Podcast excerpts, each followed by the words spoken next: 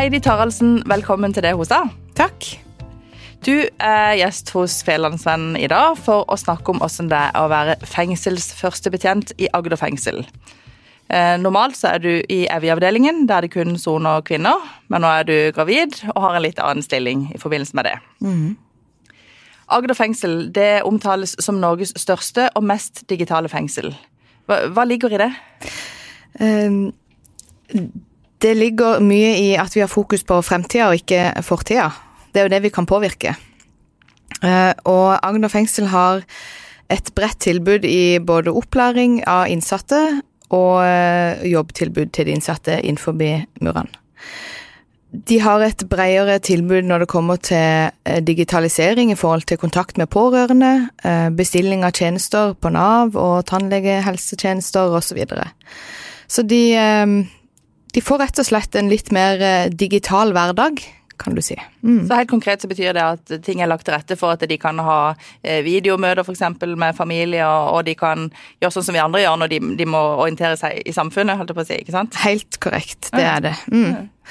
Du, Når jeg tenker på en sånn fengselsbetjent, så har jo jeg et sånt bilde i hodet som sikkert er påvirka av filmer jeg har sett. og Jeg ser gjerne for meg en mann i noen mørke korridorer og med sånne store nøkkelknipper. Men åssen er, er, hverdagen for deg eh, som kvinnelig fengselsbetjent i ja. 2021?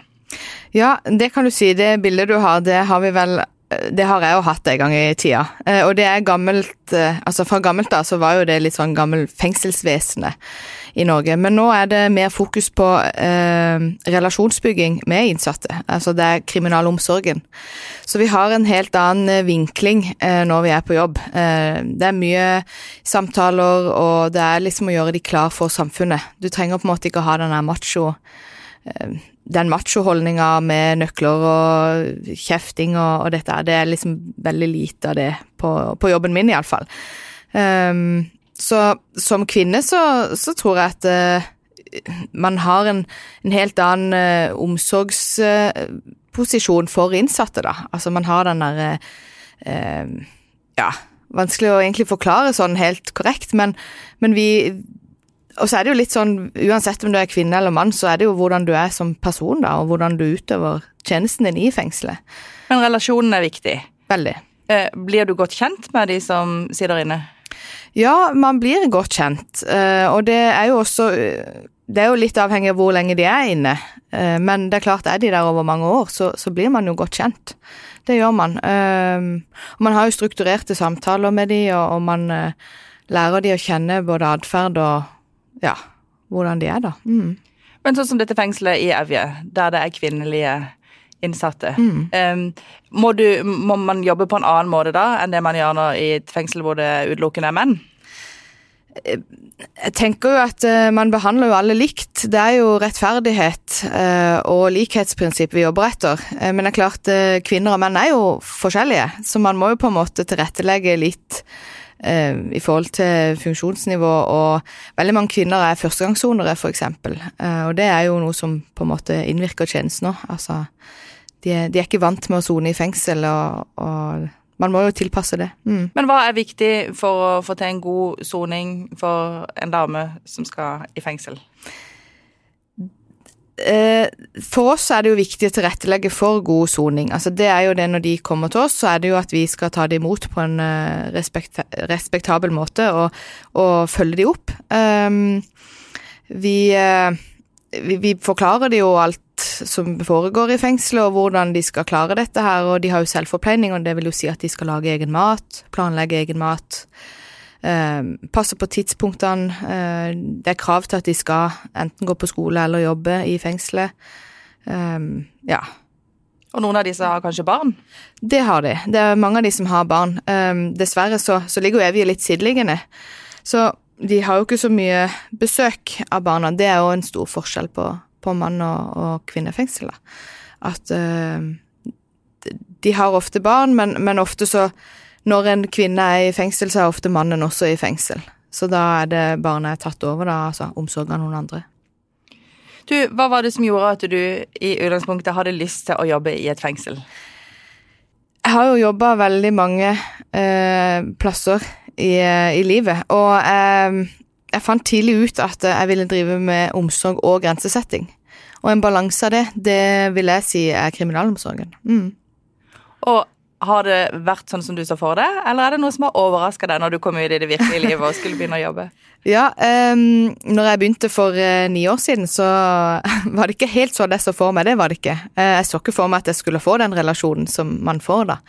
Uh, så liksom for meg at det var mer overvåkning. At man bare satt og, så, og så, og så Litt sånn som USA, og litt sånn som man ser på TV, da. men, men man det har jo gitt mye inntrykk, og jeg har jo blitt overraska over mye. Men, eh, men, mest positivt overraska. Mm. Men kan ikke du prøve å beskrive denne relasjonen? Den som, ja. den som berører deg? Vi har, jo, vi har jo, på en måte vi, vi, blir jo lært opp til å ha en sånn viss distanse med innsatte.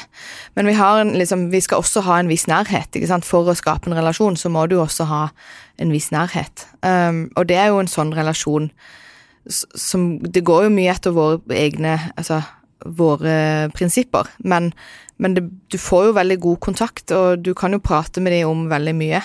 Man snakker kanskje ikke, man utleverer ikke seg sjøl, men man prater jo om ting som interesserer en, og man finner felles eh, interesser og kan prate om det. Mm. Ja, for det er jo en viss forskjell. Altså, Det vil jo aldri bli et balansert forhold, ikke sant? Fordi at du er en ansatt, mm. og de er en innsatt. Hvordan mm. greier du å balansere det?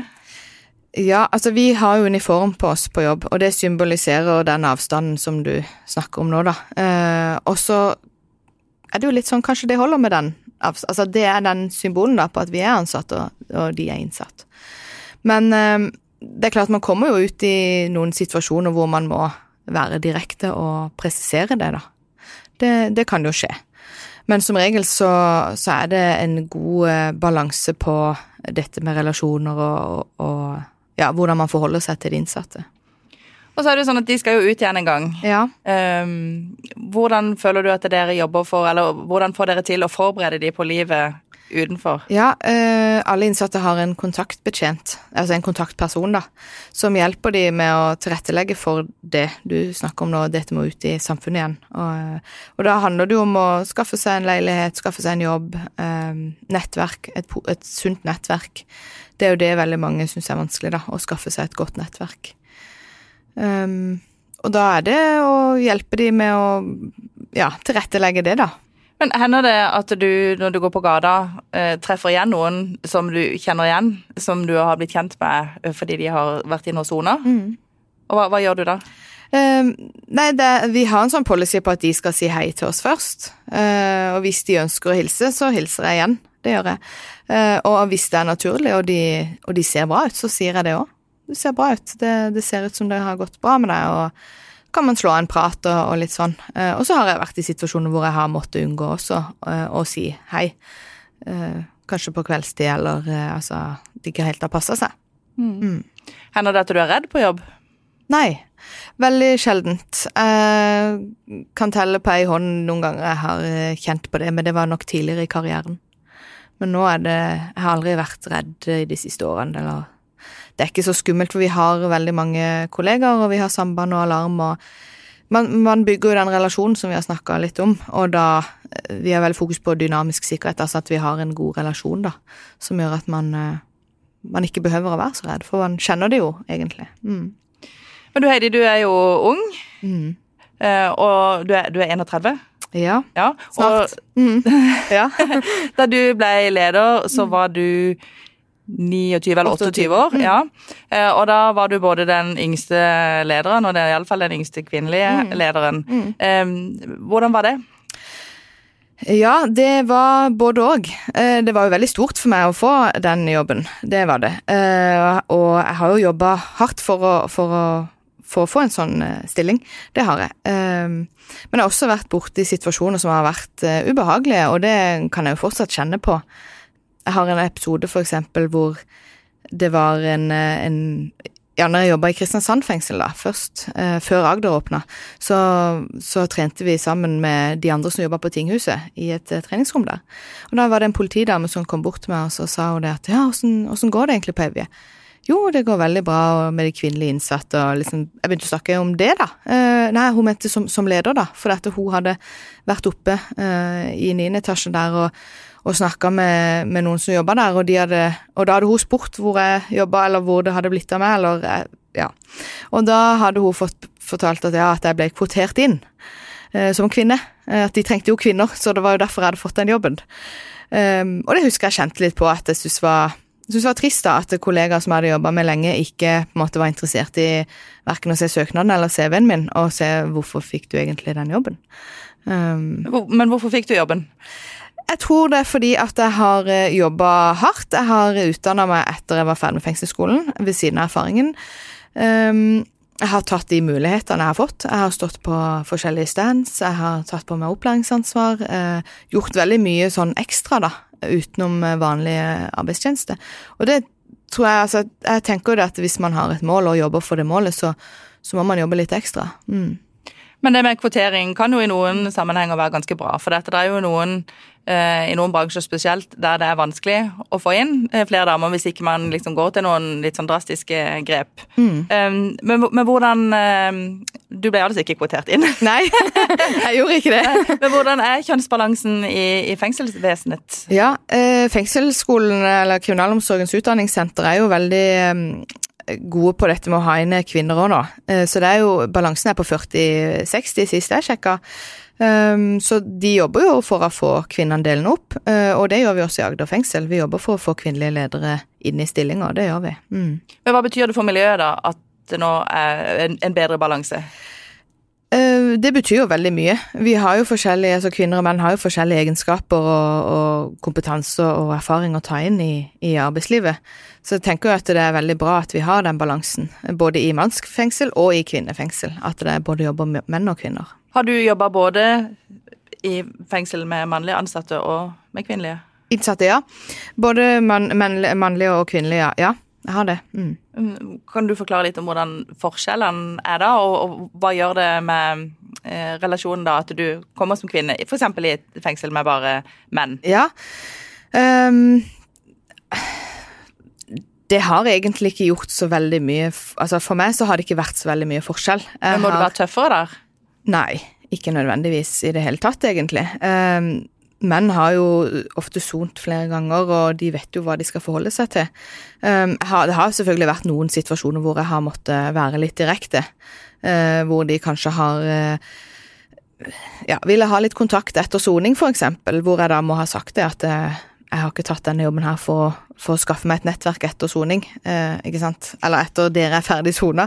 Men eh, og, og da, det er klart at det er jo en avvisning eh, som man må gjøre. Eh, men sånn er det jo, man må jo være profesjonell i jobben. Mm. Men gjennom den tida du har jobba nå, hva, hva, har du lært om, om, mennesker? Kan jeg spørre om det? Altså som sådan, For du har jo sett folk i, i spesielle situasjoner. Mm. Uh, ja, de kommer jo inn Mange av de har jo en livskrise når de kommer inn i fengsel. Det er jo en typisk betegnelse på krise da, i livet. Uh, man lærer jo det at de det, det, er jo ikke handlingen som definerer de som personer, da. Det er jo de, hvordan de er. Eh, og det er jo det vi Og det er jo mange som tenker sånn at de som har lang dom, f.eks., er de verste i fengsel, ikke sant. Men det er jo ikke nødvendigvis det. For det er jo hvordan er de eh, blant folk, hvordan er de i fengselet? ikke sant? Det er jo det vi på en måte har fokuset på, da. Atferden der og da, ikke handlingen som de har utført. Men da vi snakka litt sammen i forkant, så sa du at du ser ofte at mye av årsaken er funnet i barndommen. Det er ting mm. som har skjedd tidlig. Mm. Mm. Så er, for en del av de har det kanskje ikke vært eh, så mange alternativ Nei, en kriminell vei? De har ikke hatt de samme forutsetningene som mange andre. Det har de ikke. Eh, og det er jo selvfølgelig Det er selvfølgelig trist at det er noen av årsakene til at de er inne i fengsel, òg fordi at ikke de har De har kanskje ikke fått den omsorgen eller kjærligheten som de har hatt behov for når de var mindre. Har du sett at det de opplever i fengselet, da kan være med på å gi dem en dytt i riktig retning, sånn at det faktisk går bra etterpå? Ja, vi er jo, altså Norge er jo verdens beste kriminalomsorg, eh, og vi har veldig lav tilbakefallsprosent i forhold til veldig mange andre land. Men eh, det er klart, vi har jo noen som kommer tilbake. Ofte så kan for noen kan det være tryggere å være i fengsel enn å være utenfor. Eh, så det er klart, for noen er jo det med å ha mat og tak over hodet altså det som, som er bedre for de enn å være ute på gata, da. Du, du er jo ei dame som er opptatt av jobb. Du Mm. brenner veldig for det du holder på med. eh, Og du er ambisiøs. Mm. Og da blir jeg litt nysgjerrig på hvordan, hvordan kan man eh, gjøre en karriere, hvis du kan bruke det ordet, da, i, i din bransje? Mm. Um, kriminalomsorgen er jo ikke kjent for å ha flust av sånne lederstillinger. Det har vi ikke. Um, det neste etter meg er inspektør, og så er det nestleder, og så er det fengselsleder. Uh, og det er jo ganske sånn heftige stillinger oppover. Uh, men jeg tenker jo det at uh, det er jo litt hva man gjør det til selv, hvis man finner noe som man brenner for i jobben sin. Vi har jo f.eks. programvirksomhet eller sinnemestringskurs. det? sinnemestringskurs. Nei, altså kurser som man kan ta for å eh, undervise innsatte da, i f.eks. sinnemestring, eh, papparollen, mammarollen, altså de ulike eh, programmene som vi har da, som de kan uh, utdanne seg, eller fengselsbetjenter kan da ta kurs i.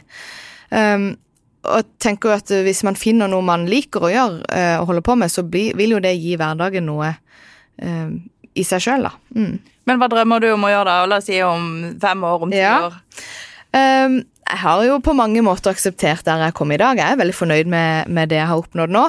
Men det er klart uh, Jeg har jo, en, jeg har jo drømmestillinger, jeg òg, som jeg ønsker. Ja, det har jeg. Ja, og så har du eh, også orientert deg litt rundt og sett når det har vært noen, noen muligheter, ikke sant? Ja, jeg har søkt andre jobber. Jeg søkte blant annet en jobb i fjor, i politiet. Uh, hvor jeg eh, tenkte at uh, ja, altså, ifølge utlysningsteksten så var jeg jo kvalifisert, men det er klart det er jo en uh, heftig stilling å søke på. Men jeg søkte og var en av seks som kom på intervju, og det var jo veldig det var veldig gøy for meg, og da ble jeg veldig motivert i jobben min videre også. Selv om ikke jeg fikk den jobben, så ble jeg veldig engasjert videre i min jobb, for da, da gikk det liksom opp for meg at eh, hvis jeg bare jobber på og gjør det som jeg forts altså fortsetter å gjøre det jeg gjør, da, så kan det jo hende at det dukker opp noen andre gode muligheter for meg. Mm. Du, Hva tenker du som leder at du kan gjøre for å legge til rette for andre som har lyst til å lykkes og få det til, eller for andre kvinner som kanskje har eh, lyst til å søke seg inn i din bransje? Eh, jeg tenker det at eh, man skal være trygg på det man gjør, og trygg på det man eh, tror på, på en måte. At man brenner for det man gjør, er engasjert og motivert for å gjøre en god jobb. Og så hvis du liker å jobbe med mennesker og ønsker å gjøre en forskjell, så, så tror jeg kriminalomsorgen kan være en god, god jobb for mange kvinner. Mm. Og for å være i en sånn type jobb som du er, så tenker jeg at man må jo tro grunnleggende på det man driver med. Eh, og det med å fengsle folk, altså sperre folk inne, det har jo litt ulike funksjoner, ikke sant? Det skal både beskytte samfunnet mot de som kan gjøre ugagn, for å si det sånn, eller være farlige. Eh, og det skal, eh, opp, skal opp, en måte oppbevare de eh, Og de skal ha en straff. Eh, hva tenker du om hele systemet? Ja, eh, tenker nå, nå er jo kriminalomsorgen eh, sånn at vi ønsker å eh, ha straff som endrer. Eh, og Agder fengsel har veldig mye fokus på det. At eh, vi, vi gjennomfører straffa, men vi kan gjøre det på en smidig måte. Eh, vi kan skape tillit, altså vi kan ha relasjoner, og så eh, kan vi forsøke å få dem på beina igjen. Og tenker jo at eh, det er jo sånn systemet vårt er, at de skal inn og sone og ha sin straff, men så kan vi jo gjøre det på en fin måte, for det er jo det er jo frihetsberøvelsen som er straffen. Det er ikke nødvendigvis det at du må sitte på et kott eller ha et stygt rom eller ikke ha TV eller ikke sant. Det er jo frihetsberøvelsen. Du kan ikke gå ut når du vil. Du blir faktisk låst inn på natta. Um, ja. Men frihetsberøvelse er jo ganske heftig. Det er det. det er det. Og uh, man skal absolutt behandle det med, med respekt. Uh, dette med de nøklene som vi går rundt med. Og vi har ganske mye makt på jobb, det har vi. Så man skal, man skal gjøre det på en smidig måte. Mm. Men hvordan utøver du den makten, da? I, i hverdagen? Altså det er jo ikke, altså, Vi utøver jo makt hele tida, for det er jo vi som har makta. Vi har jo de nøklene, og vi har jo uniformen. Det er jo vi som har myndigheten. Um, og det er jo vi som gjør frihetsberøvelsen. Altså, det er jo vi som på en måte holder det inne, som du var inne på. Men det er klart at uh, uh, det er jo systemet, ikke sant, og så er det jo hvordan vi som mennesker oppi alt dette her utøver det, ikke sant, at man kan man gjør det på en, på en god måte. Du er i en hverdag med faste oppgaver og, og vakthold osv. Har du tid til å sette deg ned med den enkelte innsatte og, og, og ta en god prat, liksom. Ja, nå har det jo vært mye Kriminalomsorgen har vært mye i media om at ikke vi har så mye midler til å drifte og gjøre de tingene som du er inne på nå. Um, samtidig så, så har jeg troa på at hvis en strukturerer dagen sin godt nok, så får en tid til de samtalene man skal ha, da. Mm. Så vil jeg gjerne litt tilbake til dette med forskjellen på eh, kvinnefengsel og kan vi si mannefengsel eller fengsel for menn? Mm, ja. Hvilke begrep dere bruker. Ja, ja. Um, hva, hva, krever de av ulik tilrettelegging, og um, er det like, gode, like, gode soningsforhold for menn som for kvinner? For det er jo enda mange flere menn inne, ikke sant? Og vi har mer på en måte erfaring med å mm. uh, fengsle de. Mm. Som du er inne på nå, så er det jo mange flere menn som soner straff i Norge enn kvinner. Eh, og det gjør at eh, vi, vi, henger litt etter eh, i forhold til det med likestilling i, i fengsel med kvinner og menn. Um, menn er jo, altså, som sagt, de er jo ofte vant med å sone, ikke sant, og det er ofte vi har liksom verksdriften, altså vi har snekkerjobb, og vi har liksom litt sånn mannlige yrker da inne i fengselet. Så vi jobber jo veldig for å få eh, litt mer kvinnelige yrker, da. Ja, for ennå er det, det er litt mer tilrettelagt for, for, menn? Ja, det er det. Det vil jeg si. Mm. Mm. Men hva skal til da for at det blir like bra for, for kvinner, tenker du? Er det midler? Ja, det er jo det. Det er midler fra politikerne at de eh, altså fordeler riktig til alle avdelingene, da. Mm, til mm. alle fengsler. Mm. Men hvis du hadde makt og midler til å gjøre noen endringer, da, mm. hva, hva, ville du ha gjort? Eh, godt spørsmål. Nei, jeg, jeg ville nok ha satt inn noen ekstra, kanskje noen ekstra ressurser eh, på kvinnefengsler. Eh, sosialkonsulenter og noen som kan på en måte hjelpe og bidra til en mer, altså, en mer verdifull hverdag for kvinnelige innsatte. Du, De fleste av oss er jo også påvirka nå av koronasituasjonen. Mm. Eh, og jeg er egentlig litt nysgjerrig på hvordan det påvirker hverdagen i, i fengselet. Det påvirker jo mye, det gjør det. For det, blir, det blir mer isolasjon. Eh, vi har jo, hvis du har kommet inn og, og liksom skal vente på en test, f.eks., så blir du isolert. Du blir på en måte isolert i isolasjonen. Um, så vi har jo hatt noen som har sittet isolert fordi, i, i, starten av korona, da, hvor de måtte vente på svar, og det tok jo lang tid, og kanskje lang tid før de fikk en test i det hele tatt.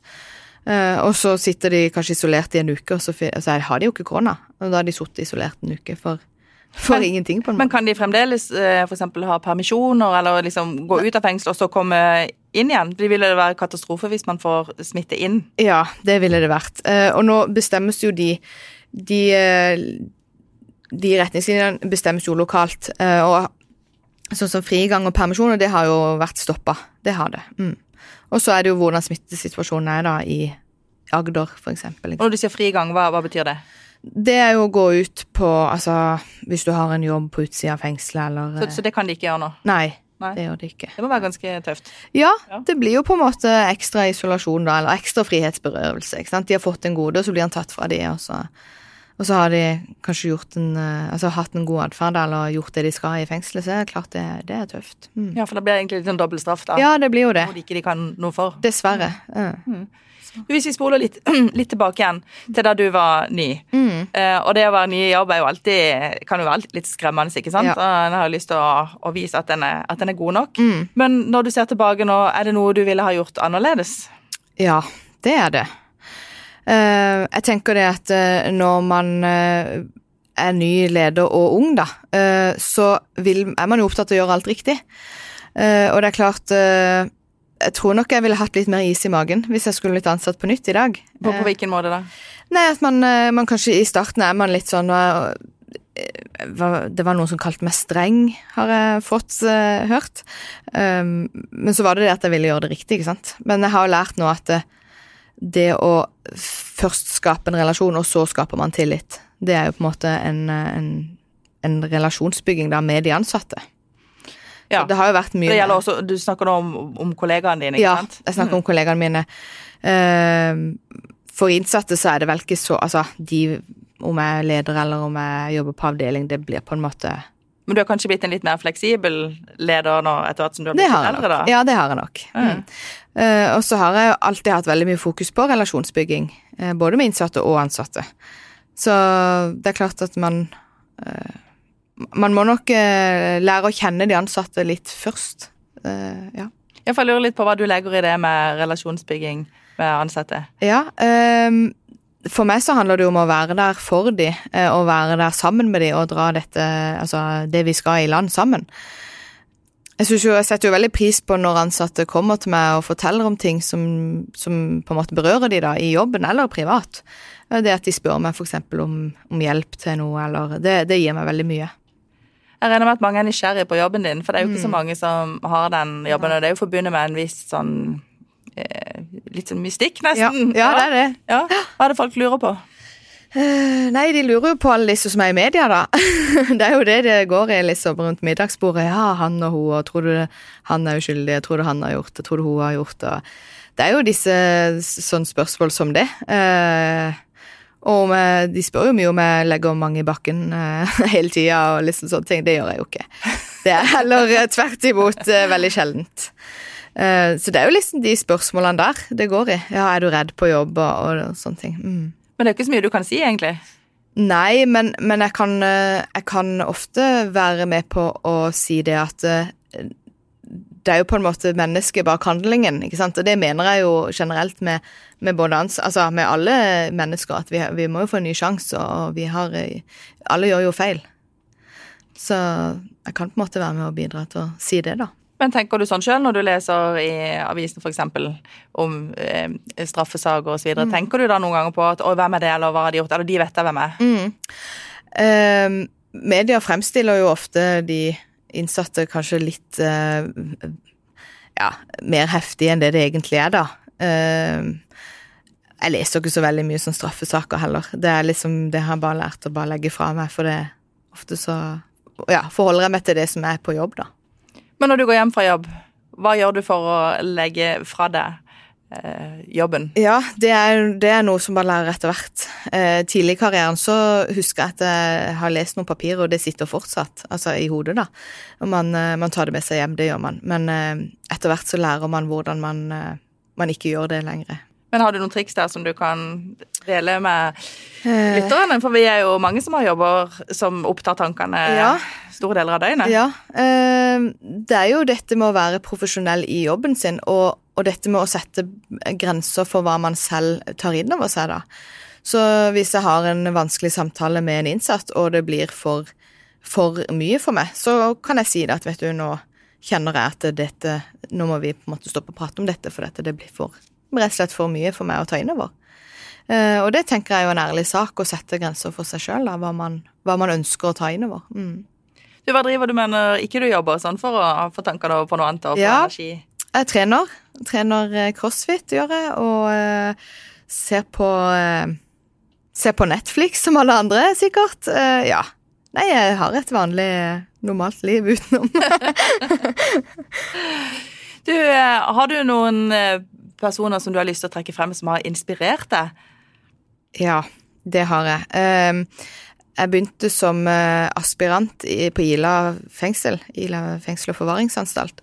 Og da eh, hadde jeg en eh, veileder som heter Line. Og hun, har, hun var ganske tidlig ute med å si Heidi, du kan ikke redde verden. og det er jo helt sant. Og hun har jo på en måte også vært med på at jeg har fått til de begrensningene som vi nettopp var inne på. Um, hun har eh, inspirert meg til å jobbe videre på og, og komme der jeg er i dag, da. Mm. Og så har jeg også hatt en tidligere fengselsleder som eh, fikk meg inn i eh, Agder-prosjektet, og da fikk jeg jo enda mer erfaring og på en måte var med og lagde instrukser og var med å utforme nye Agder fengsel. Han har også gjort til at jeg er der jeg er i dag. Og så har, og han heter Oddmund. Eh, og så har jeg en eh, regionstillitsvalgt eh, som heter Elin Sabine, som også har vært med og pusha meg til der jeg er i dag. Så de har vært viktige for deg? Absolutt, og det Ja. er de fremdeles. Ja. Ja. Du Heidi, alle som er på besøk i hos får lov til å også dele noen råd. Mm. Har du tenkt gjennom noe du vil ja, dele? tenker jo at som leder, så, som jeg var inne på, så er det viktig å ha is i magen. eh, og være seg selv og eh, ta de mulighetene man får. Det er veldig viktig, tenker jeg. Eh, og dette med emosjonell intelligens og dette med å ha mellommenneskelighet, altså skape relasjoner med de rundt deg, og, og få, til, få til det sammen, da. Få til det man skal sammen. Ja, jeg tror kanskje det var det. Ja. Unne hverandre godt, det er òg veldig viktig. Ja. Heidi Taraldsen, tusen takk for at du ville komme til Fedrelandsvennen og det hun sa. Takk for at jeg fikk lov å komme. Du har lytta til Federlandsvennens podkast 'Det hun sa' med Birgitte Klekken. Har du tips til andre bra damer vi bør snakke med, eller har du lyst til å dele inspirerende erfaringer fra ditt arbeidsliv? Ta kontakt på dethosa1fun.no.